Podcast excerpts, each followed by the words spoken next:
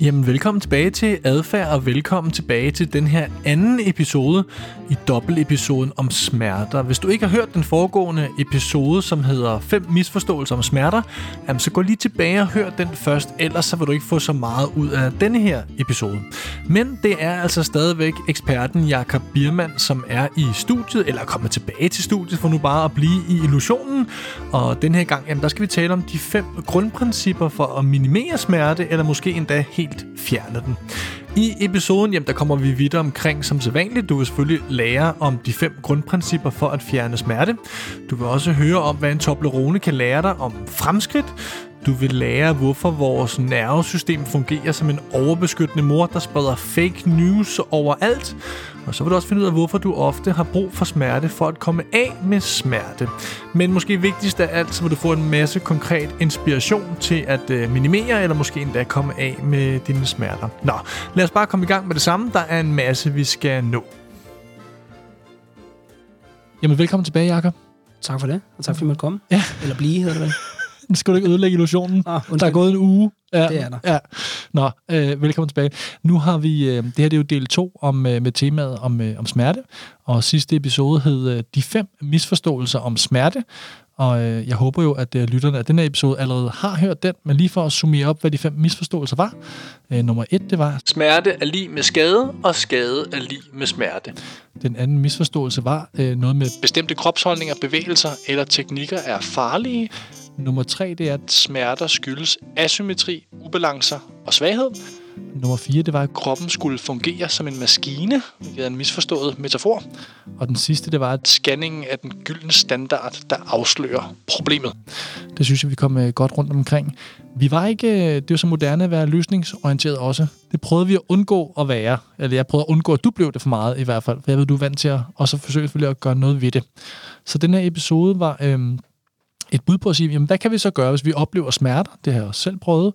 Øhm, hvad kan vi så gøre ved det? Hvad er nogle principper, vi kan bruge? Og det er ikke, fordi vi har en fast opskrift her, men sådan måder, man kan tænke bearbejdelse af forskellige typer øh, af smerte.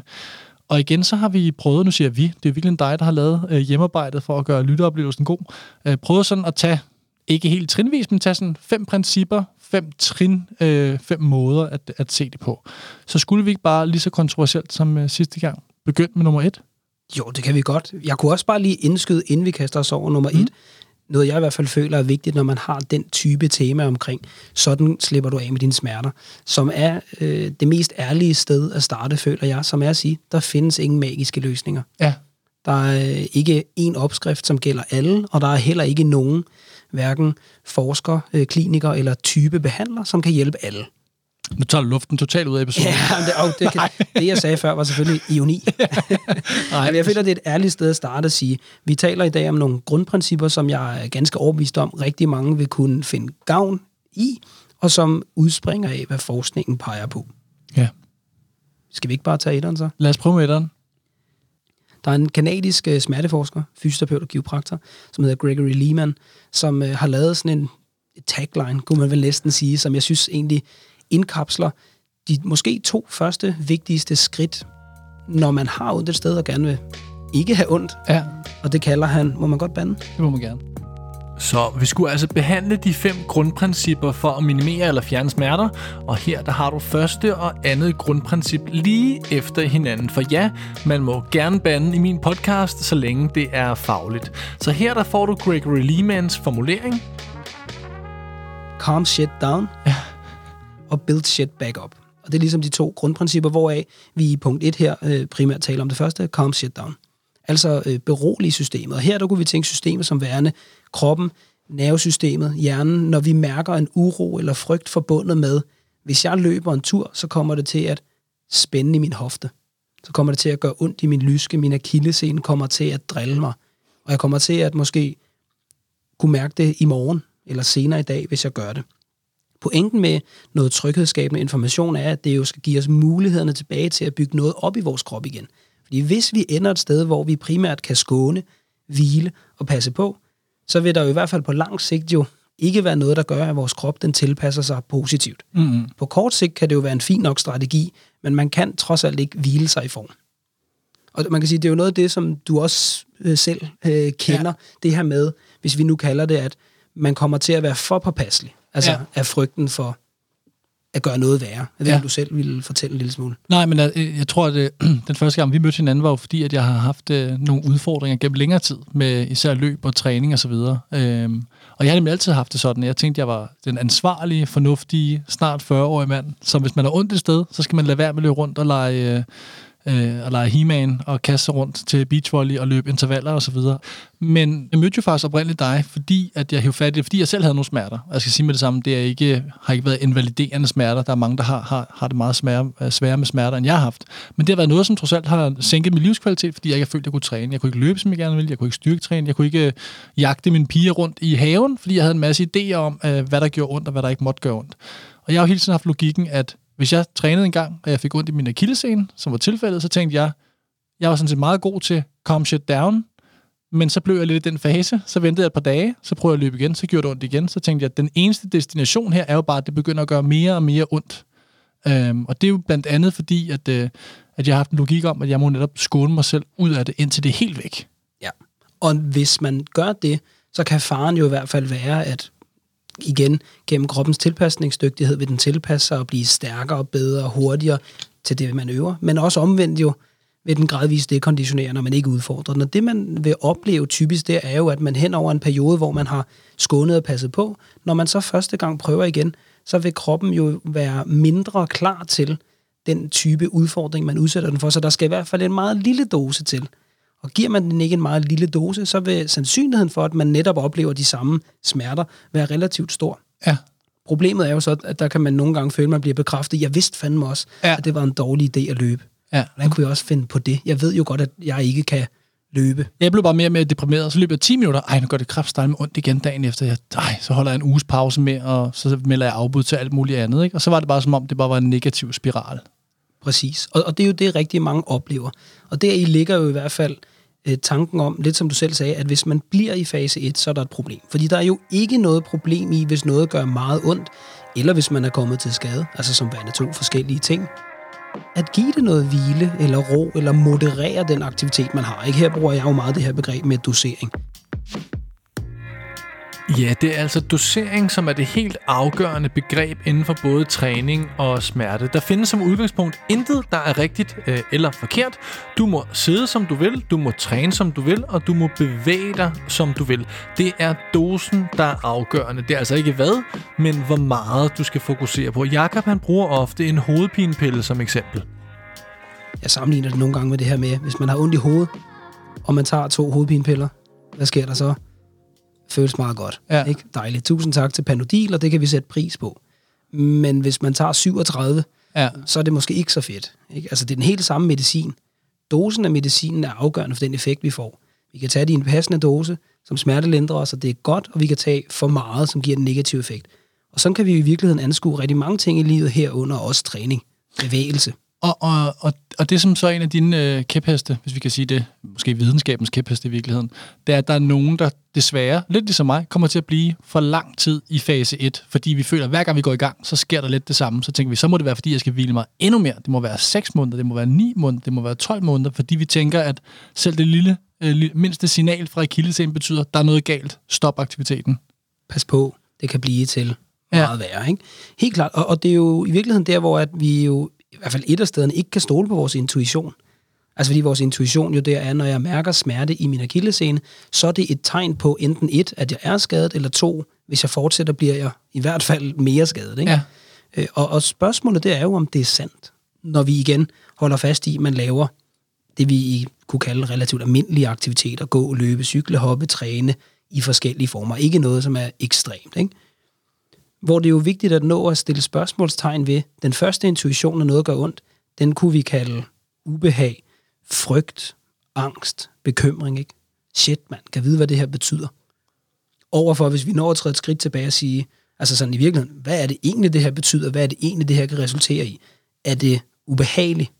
Ja. ja. Er det farligt? Nej. Det spørgsmål er jo svært at svare på, mens man er bange for noget, det er klart. Ja, ja. Men der kan man altså med, med udgangspunkt i, hvad litteraturen peger på, jo se på, hvor farligt er det at styrketræne og løbe og dyrke fysisk aktivitet i forskellige former. Og absolut ikke særlig farlig, Ej. og meget mindre farlig end at være fysisk inaktiv. Ja. Altså bare for at stille det op imod noget andet. Hvis du vil være helt sikker på dårligdom i livet, så Ja. skal du bare lade være at bevæge dig. Okay, så princip nummer et, det er altså calm shit down, men den grundlæggende pointe her for de fleste af os er faktisk, at den her fase bliver for stor og for lang. Man kan ikke hvile sig i form, som Jakob plejer at sige.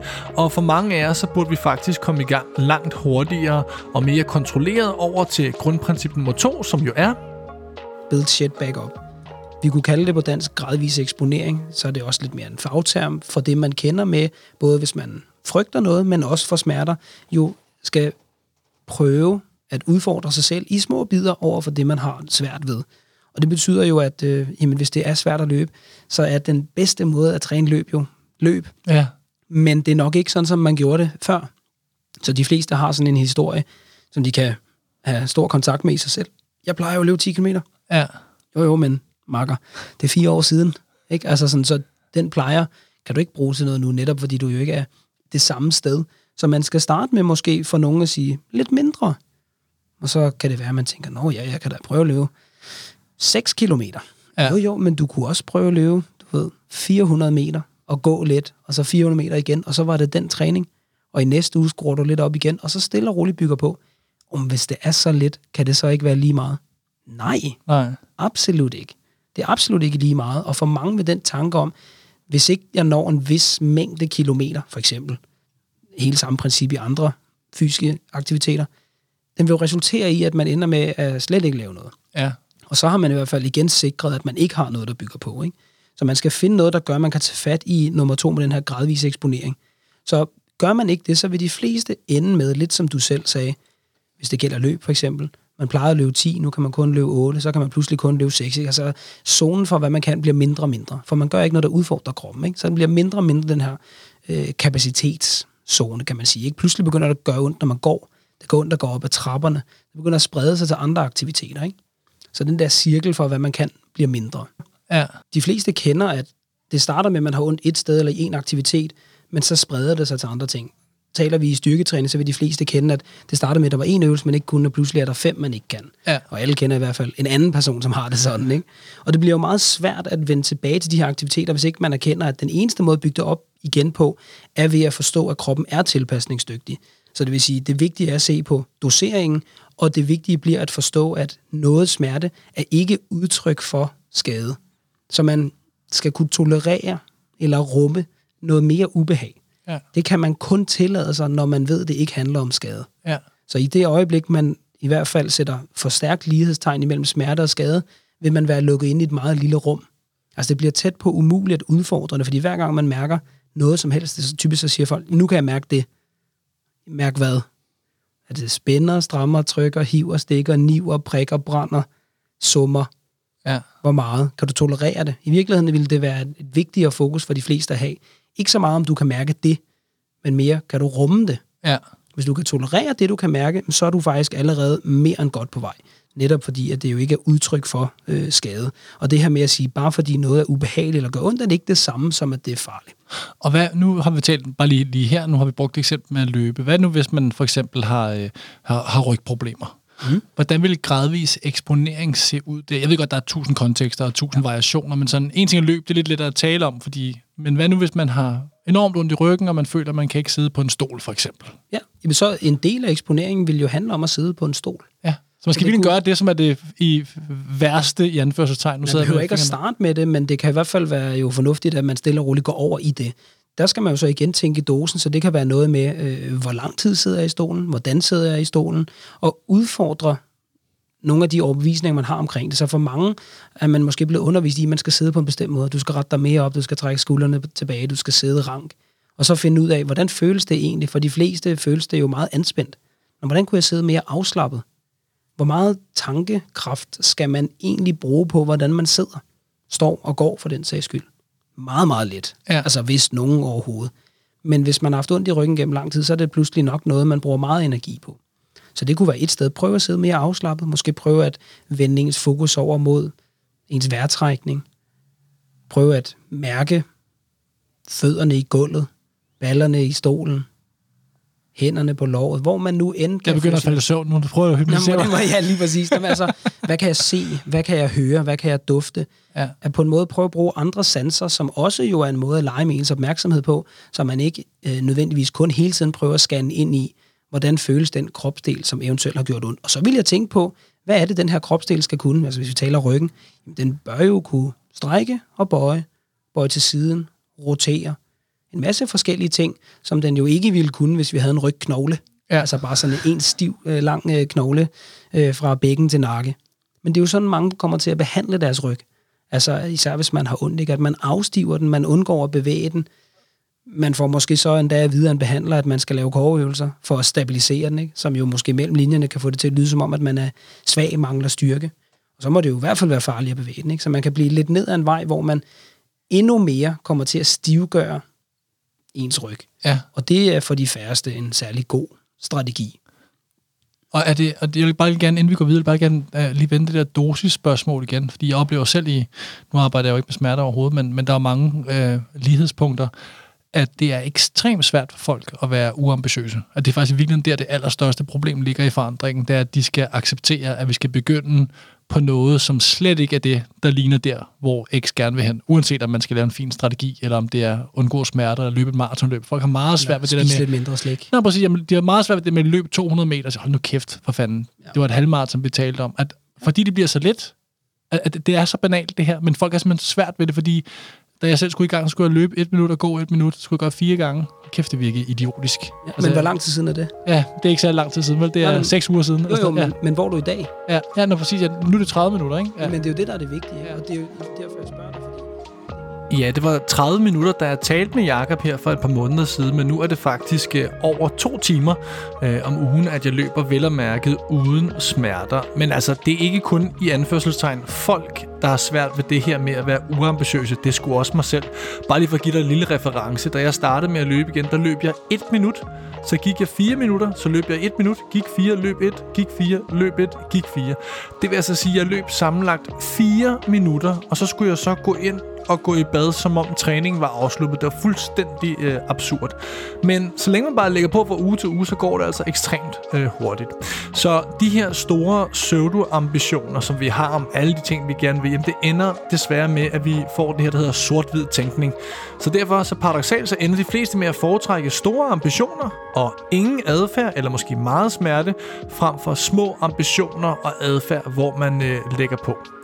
Det her med sort-hvid tænkning er jo et tankesæt, du kan finde så forskellige steder som inden for kost, vanebrud og organisationsudvikling. Og Jakob beder dig blot om at vurdere din strategis kvalitet på de resultater, den skaber eller ja, ikke skaber. Men det er jo det, der er det vigtige. Ikke? Ja. Og det er jo derfor, jeg spørger dig, fordi det, vi i virkeligheden taler om her, er jo sort-hvid tænkning. Ja. Altså, det er jo enten eller. Hvis ikke jeg kan løbe den distance eller tid, som jeg gerne vil, så kan det også være lige meget. Så kan jeg lige så godt lade være at løbe. Og det eneste, som er interessant for os at kigge på, det er jo, hvad resulterer det i? Hvis det nu resulterer i en eller anden super hensigtsmæssig, fantastisk adfærd, så ville det jo være fint nok. Ja. Problemet er, at det jo gør, at folk bliver mere fysisk inaktive. Hvis der er en ting, som ikke hjælper på at forbedre hverken ens konditionering, hvis man skal kalde det det, kapacitet, eller på smerterne på lang sigt, ikke Ja. på kort sigt, så er det jo, hvis man bliver alt for inaktiv. Ja. Og det samme gælder jo i alle mulige andre henseender, som du siger. Så man skal i hvert fald nå at stille sig selv spørgsmålet, den tanke, jeg har om, hvor meget jeg kan eller bør lave, hvad resulterer den i? Hvis den resulterer i, at du laver mindre, så er det jo ikke en hjælpsom tanke. Så behøver du ikke engang gå ind i, om det er du ved, rigtigt eller forkert. altså, det er jo ligegyldigt. Det tager dig ikke imod dit mål, når du løber 0 minutter om ugen. Så hvis, øh, og nu er det ikke, fordi det er jo en løbeepisode, Nej. hvis øh, du gerne ville være mere i haven og lave havearbejde, hvis du gerne ville kunne gøre rent i alle rummene i dit hus, eller købe ind, eller gå på café, eller Være rundt på børnebørnene. Lige præcis, ikke på en svingomtur, eller hvad det nu er, det du godt kunne tænke dig i dit liv, hvis de tanker og bevisninger, du har om, at det ikke nok, gør, at du slet ikke laver noget, og du kan ligesom se tilbage på, hvor meget gjorde du af det den sidste, altså, i den sidste måned, hvor meget har du gjort af det der, eller de sidste tre måneder. Hvis svaret er 0, eller tæt på 0, så er det jo ikke en gunstig strategi. Nej. Og det gør det jo ikke nødvendigvis simpelt at ændre, Nej, nej, nej. men det, der ligger en vigtig erkendelse af at huske på, nu siger jeg noget dumt, at 1 er større end 0. Nej, jeg forstår godt, mener. Jeg synes, jeg synes overhovedet ikke, det er dumt. Fordi det, det, er jo, det er jo det, der sker. Det er jo netop, man... jeg også ofte spørger folk, og det, når jeg er i bedreviden humør, det er jo svært at gøre det selv, men sige, hvad er alternativet? Men hvis alternativet er ingenting, så er det bedre at, at gå 100 meter. Det, det er bare så svært for folk at acceptere, at det er vejen frem. Også fordi, det, øh, og nu inkluderer jeg mig selv, at man, man, har, man forstår godt rationelt, at der er en rejse, der hedder, hvis du gerne vil løbe, skal du løbe lidt mindre. Men det er simpelthen så svært, når man tænker tilbage på det, og så samtidig, hvis man har smerterne. Jeg, jeg ved det også fra, øh, øh, det er ikke mine egne forældre, men nogle andres forældre, jeg har talt med, at øh, de får stoppet med at bære, bære rundt på deres børnebørn. Og det var fordi, at øh, faren, det var så faren i det tilfælde, havde dårlig ryg, og han havde oplevet, at når han bar rundt på sine børnebørn, så fik han dårligere ryg. Og det er bare igen, det, det, det er jo samme historie, nu er det bare min akillescene. Det er, jeg kan jo godt forstå den logik. Så skal jeg jo lade være med at bære, og så er det samme svar jo, at du bliver ikke bedre til at bære børnebørn ved at lade være resten af dit liv. Og Nej. det, det lyder jo så banalt, men det er ret faktisk, jeg synes i hvert fald, det er svært at få ind under øh, pandebræsken. 100. Og det ligger jo alle mulige andre ting, man kunne gå ned af. Hvad er det at have en dårlig ryg?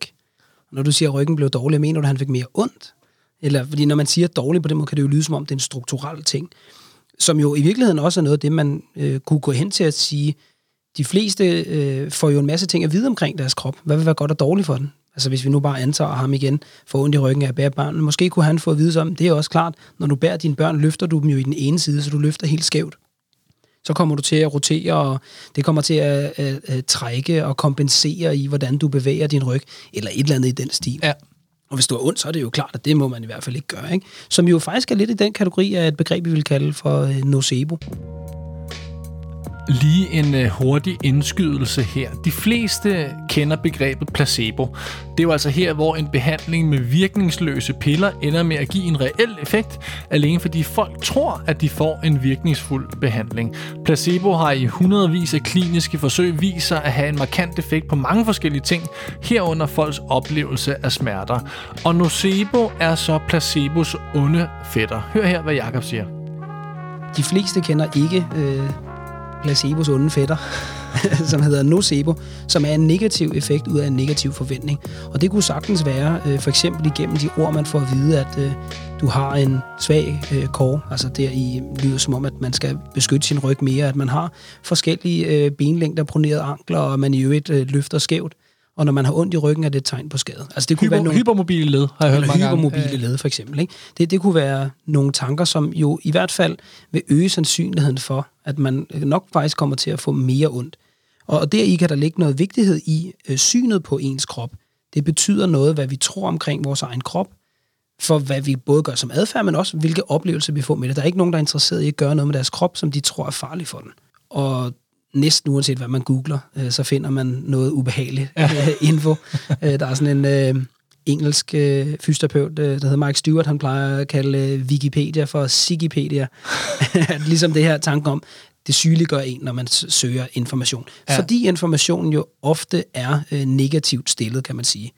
Og tanken deri kunne jo være, at rigtig mange gange kommer man måske til en behandler med ondt i ryggen, men man går derfra med øh, forskellige benlængder, skævt bækken, svag kår, øh, fremadskudte skulder, dårlig kropsholdning og skæve øjne, eller Ja. et eller andet andet. Ikke? Altså sådan, man har flere problemer, når man går derfra, end da man kommer. Det er jo trist, når det er sådan. Ja. Men kan være med til at gøre, som vi måske, hvor vi er nu i hvert fald, kan forstå, hvorfor man kan have svært ved at gå fra calm shit down, eller det laver man jo i virkeligheden slet ikke, fordi man jo bare bliver mere urolig, men hvorfor man i hvert fald ikke kan gå til trin 2, build shit back up, for man har slet ikke noget grundlag for det. Nej, men også skæv ryg og bækken, og hvis jeg gør X, så Og går hvad det tror du, der sker, hvis man løber eller løfter med det? Ja, helt altså, galt. Ja. Det ville jo være helt åbenlyst at tænke, det må ikke være en særlig smart idé. ja. Men det er bare vigtigt at huske på, størstedelen af os alle sammen har alle mulige forskellige skævheder og asymmetrier, som er helt normale og helt ufarlige. 90% af alle mennesker har forskellige benlængde. Så længe den er under 2 cm og ikke akut opstået, så har den faktisk ikke engang nogen association med smerte. Og hvis du er 31, og du har haft øh, den benlængde, du nu, jo nu engang har, gennem hele livet uden smerter, og så pludselig får du ondt en dag igennem en eller anden aktivitet, hvorfor skulle det være benlængdeforskellen, der gør Ja. det? Men det er jo meget nærliggende at tro, når man bare intuitivt tænker, nå ja, selvfølgelig er det det. Og så er vi også tilbage ved det, vi snakkede om i sidste episode. Det er en, det er en let forklaring. Det er en en-til-en forklaring på det her. Ja. Nu prøvede du jo sidste gang at stjæle værtsrunden for mig ved at hoppe rundt mellem punkterne, uden at have fået lov. Så nu vil jeg gerne være den, der ligesom går videre og bremser alle dine gode bulker og sige, nu er vi vel faktisk ved træerne, hvis jeg ikke tager helt fejl. Det synes jeg lyder spot on. Ja. Det er vi da helt klart. Jamen, øh, det er vi nemlig. Punkt 1, det var calm shit down. Punkt 2, det var build shit back up.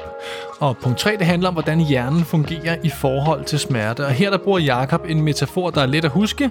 Det er nemlig klichéen om den overbeskyttede mor, der vasker sin børns tøj, ringer til dem mindst fem gange om dagen, og for alt i verden bare gerne vil undgå, at der sker noget som helst med dem.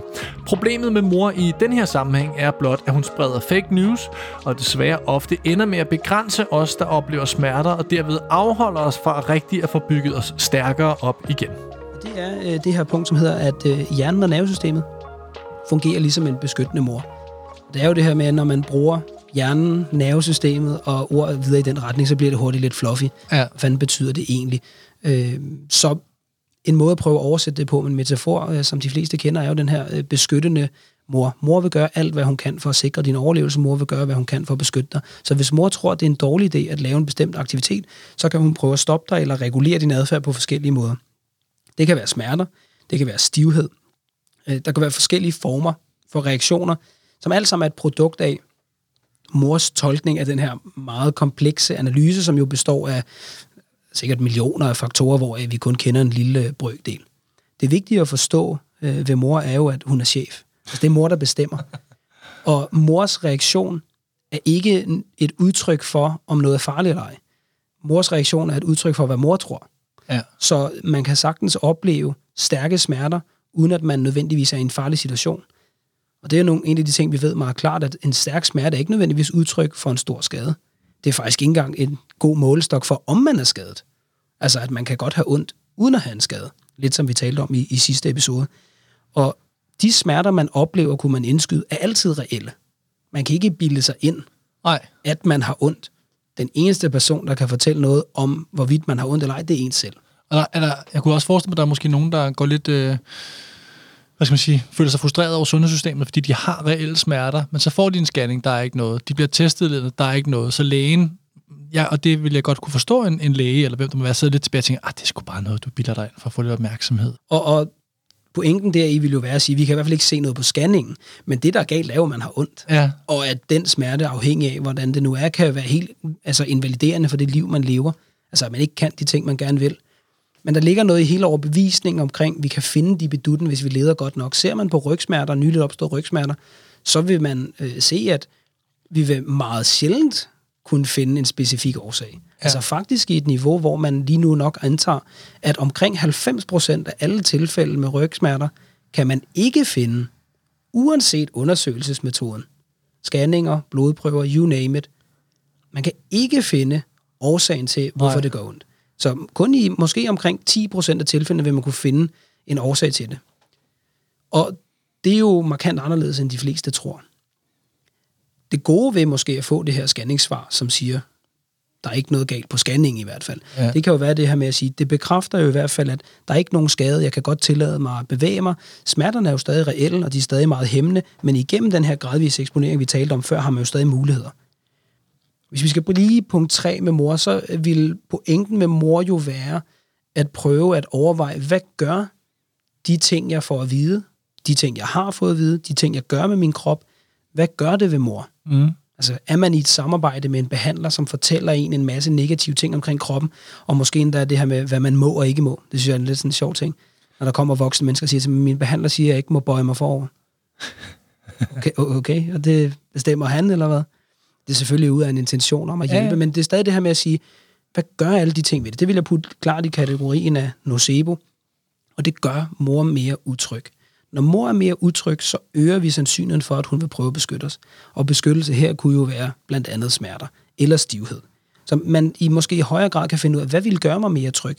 Hvad vil gøre mig mere glad? Hvad vil give mig mere frihed? Hvad er det for nogle aktiviteter, jeg godt kunne tænke mig? Og så skal man jo prøve at bide det over i nogle ja, markant mindre bidder, end man nogle gange tror i hvert fald.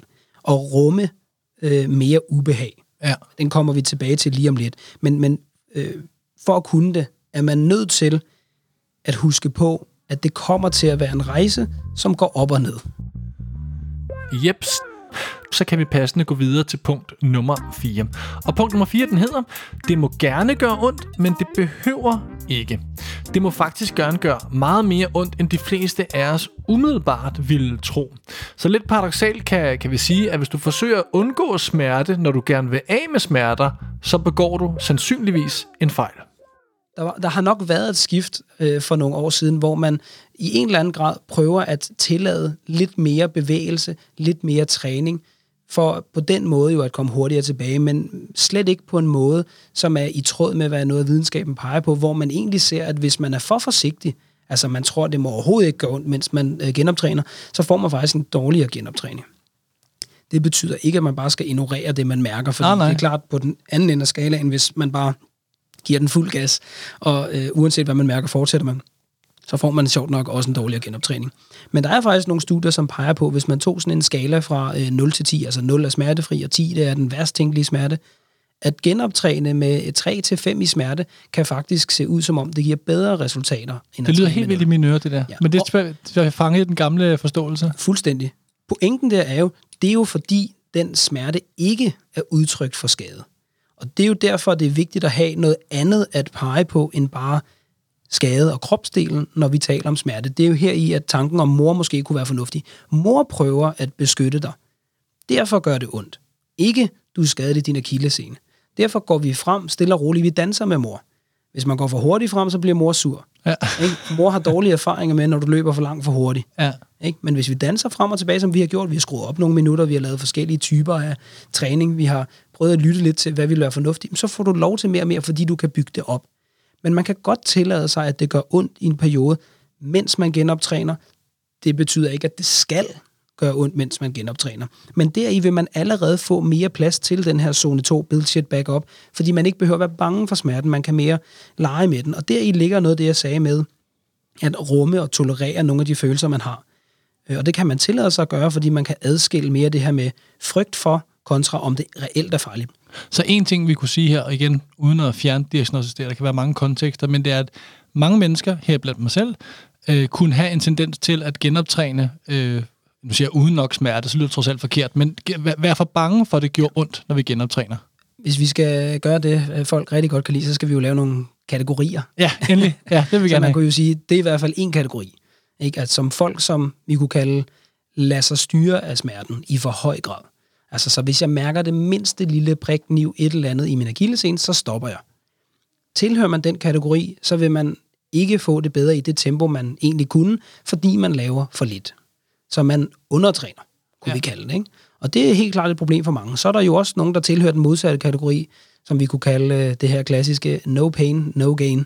At øh, det skal bare gøre mest muligt ondt, og smerten skal fandme ikke bestemme øh, over mit liv. Vel? Problemet det er jo, at man stadig ikke respekterer mor, og man kommer til at lave for meget, ikke? så dosen er for høj. Så den gruppe kommer jo heller ikke til at få det resultat, de gerne vil. Det bedste, man kan gøre, er jo at finde den gyldne mellemvej imellem de her to øh, kategorier, kan vi sige. Ikke? Det betyder, at nogle gange gør det ondt, man er sgu lidt i tvivl om, hvad man skal gøre, og så fortsætter man, fordi man har været ops på, at tidligere i mit liv har jeg begrænset mig for meget i forhold til, hvad jeg behøvede. Ja. Andre gange, så gør det ondt, og så kan man bare mærke, det gør sgu lidt mere ondt, end det plejer, eller jeg har sovet dårligt, eller jeg har et vigtigt møde i morgen, eller jeg har også været uvenner med konen, og whatever. Alle Ja. mulige andre ting i livet, som tilsiger, at det er måske ikke lige i dag, jeg skal presse citronen mest. Og derfor så backer man lidt off. Og på den måde skal man finde ud af meget mere det her med, som vi jo måske som toner frem nu, en mere fleksibel tilgang, som ikke hedder enten det her, du skal stoppe, hvis det gør ondt. Det er meget ufleksibelt, og det giver dig en meget lille ramme. Eller det skal gøre ondt, det vil også være ufleksibelt. Ikke?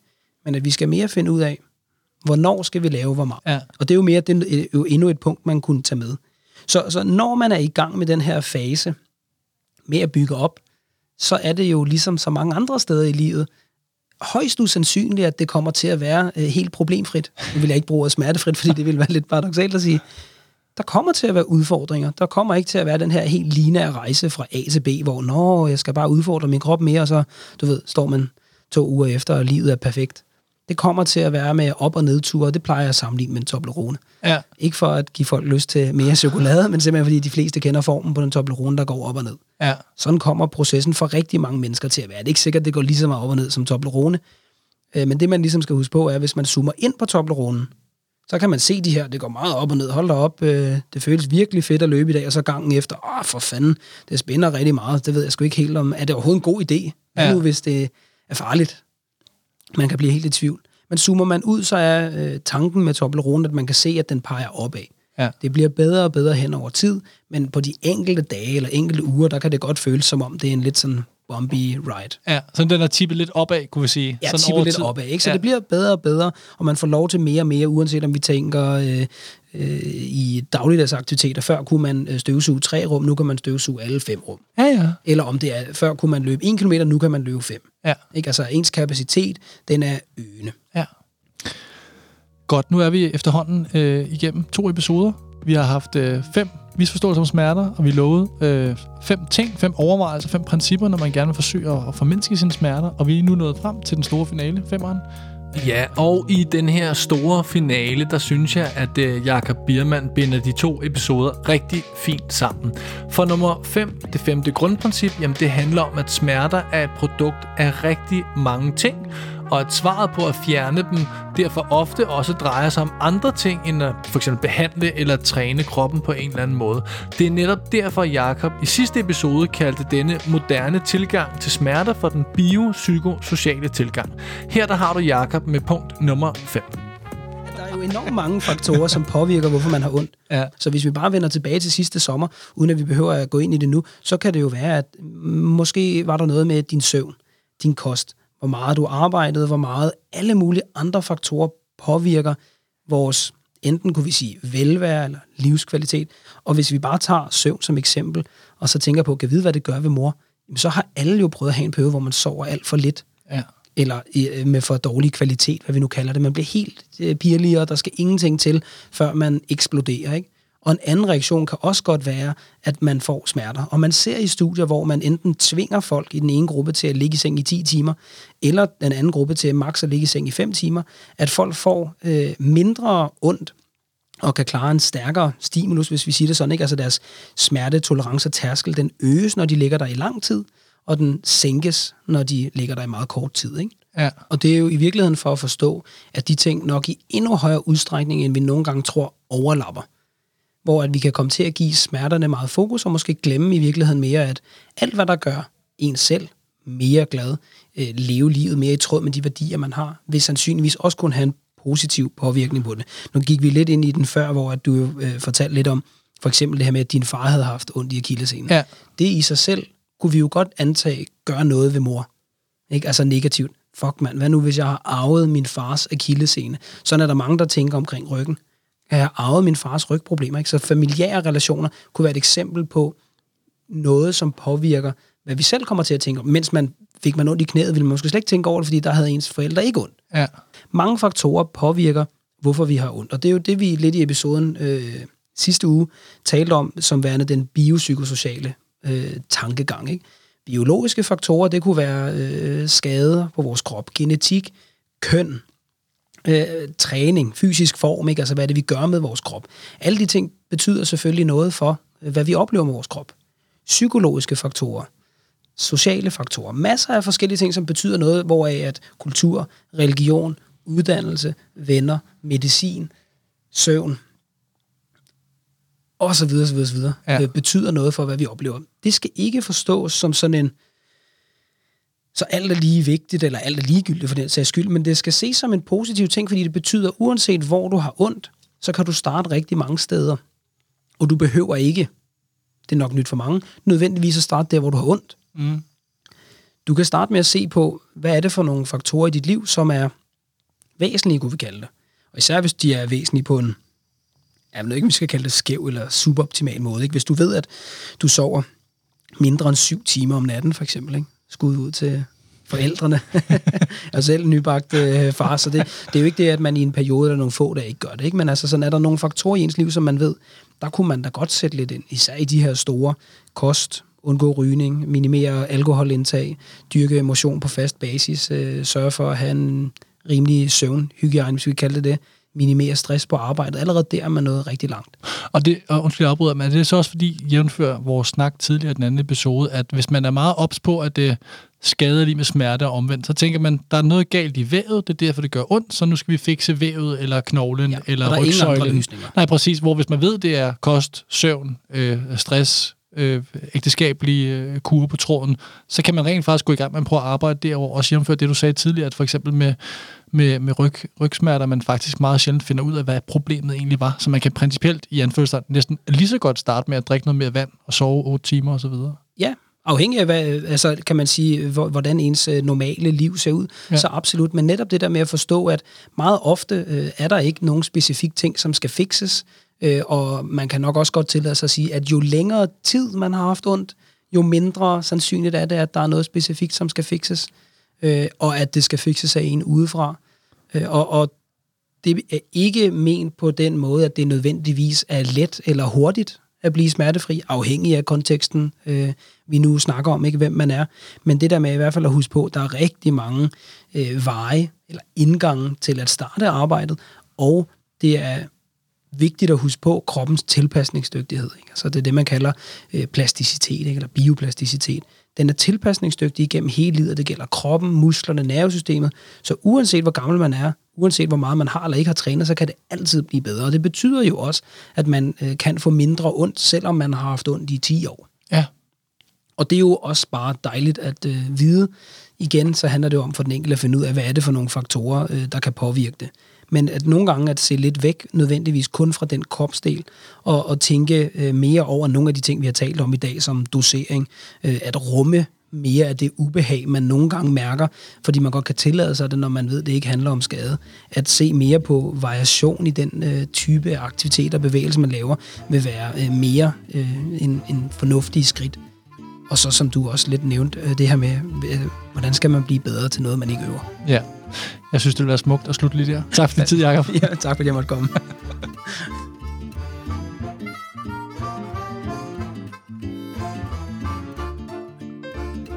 Jamen, øh, det var slut på dobbelt-episoden med Jakob Biermann.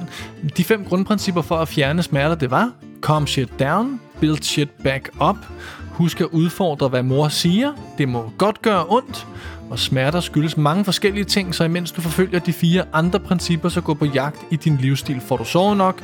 Kunne du forbedre din kost? Kunne du i hele taget leve dit liv tættere på dine værdier? Jeg håber, at du kunne bruge Jakobs store viden på feltet. Jeg kan i hvert fald kun sige, at jeg selv har afprøvet det i mit eget liv med store gevinster. Og det kan jeg naturligvis ikke garantere dig, men jeg håber, at du vil forsøge at eksperimentere med hans gode råd. Og jamen, det er jo altså naturligvis fuldstændig umuligt at behandle sådan et komplekst problem som smerter i dybden, også uanset at vi har brugt en dobbelt episode på det. Øh, derfor har jeg bedt Jakob om at levere noget ekstra viden til os alle sammen, så inde i show notes til den her episode, jamen der kan du finde de fem kilder, som Jakob vil anbefale dig at tage fat i, hvis du gerne vil lære mere. Og jeg sagde i øvrigt til Jakob, at han gerne måtte linke til hans egen podcast, der hedder Stærk og Smertefri. Den er virkelig god for dig, der gerne vil lære mere om emnet. Og jamen, så er der ikke så meget andet end at sige tak for, at du gad at lytte til forhåbentlig øh, begge episoder i den her dobbeltepisode. I næste uge, jamen, der skal vi tale om noget helt andet. Vi skal nemlig tale om alt det, som ledere ikke tør tale om. Vi ses i næste uge. Hej du!